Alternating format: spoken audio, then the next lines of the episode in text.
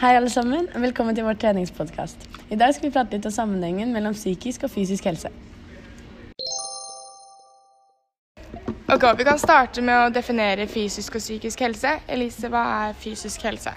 Eh, Fysisk helse det handler jo om å ha en veldig sunn og god kropp som kan gjøre alt det hverdagslige vi gjør i hverdagen, og det får vi ved hjelp av fysisk aktivitet. And Danica, what is mental health? So, mental health uh, is basically, it includes our physical, our emotional, our psychological, and social well being, and it affects how we think and how we feel and how we act. Yes. Vi kan prate litt om sammenhengen mellom fysisk og psykisk helse, og hvordan det påvirker et individ. Har noen noen tanker på negative sider, kanskje? Ja, at da, hvis man uh, f.eks. Uh, ikke trener, da, så vil jo det Det er jo forskere som at det vil påvirke at det bare skjer automatisk. At du kanskje føler deg dårlig eller sånn. fordi at du, når du trener, så får du jo energi av det. Og uh, Du kan også få dårligere selvbilde av å ikke trene, for du kan se på alle andre som gjør det, på en måte, og se at de kanskje ser litt annerledes ut, og så går du til liksom ja, gått i en ekstrem retning da, for å se sånn ut. Det kan jo påvirke både den psykiske og Som du sa, helse. er det jo veldig kjent fakta at fysisk helse bidrar jo til at man får en sunnere kropp og har mindre sjanse for hjerte- og karsykdommer bl.a. Um, som da ikke er veldig fysisk aktiv, så vil jo sjansene for de øke. Det er jo mange som ser på andre sånn som dere har sagt, og det kan føre til spiseforstyrrelser. Man vil ha sånn vektnedgang. Og så kan det føre til doping og sånn steroider, tror jeg det heter. Med sånn at man vil få sterkere muskler og Mye større kropp. Ja. Og så fysisk helse, det, eller psykisk helse, blir jo veldig påvirket av sosiale medier. Og det man ser der, og hvordan man skulle ønske man så ut og sånn og sånt. Og det er som hvis man bare La oss si at man trente veldig mye, da, som at fysisk helse var på toppnivå, men du fikk ikke de nivåene, eller de målene, som man, eller de bildene Kroppen din ser ikke ut som de bildene som du gjør på Instagram, f.eks. Og det vil jo påvirke til en negativ, i hvert fall på de fleste, en negativ på psykisk helse, da. Og det kan jo også få til sånn Mange Instagram-modeller og sånn har jo redigert seg selv.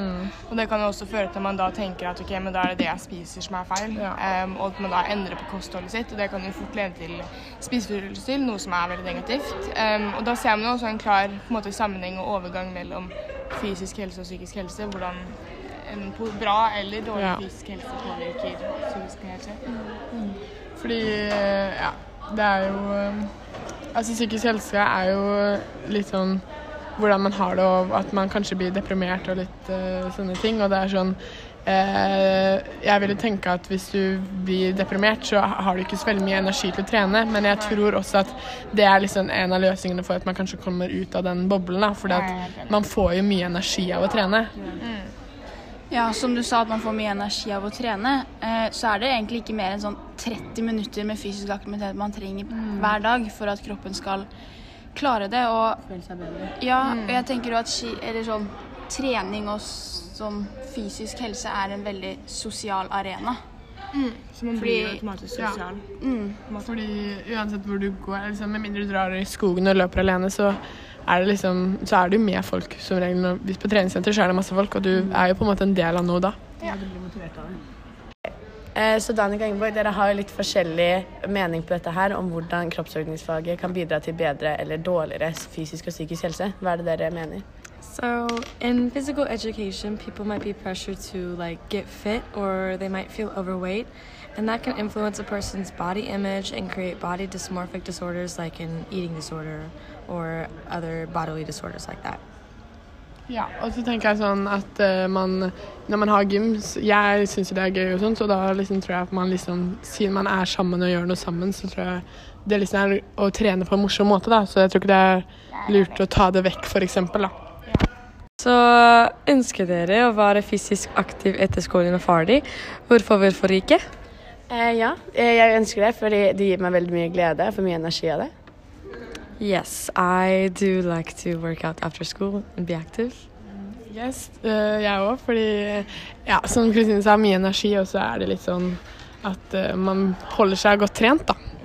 Jeg også ønsker det. Jeg trives veldig på trening og føler at det har blitt en del av meg som jeg ikke kan leve uten. Jeg ønsker òg å være fysisk aktiv etter skolen, fordi at eh, som man ser, så er da mange blir gamle, så får man litt skjøre kropper og sånt, og da er det fint å holde seg fysisk aktiv. Ja. Og så er det jo lettere å holde, gjøre daglige ting, da. Sånn når man er bare har trent. Da vil vi avslutte med å si tusen takk for at dere hørte på vår podkast, og så håper vi du vil følge med videre.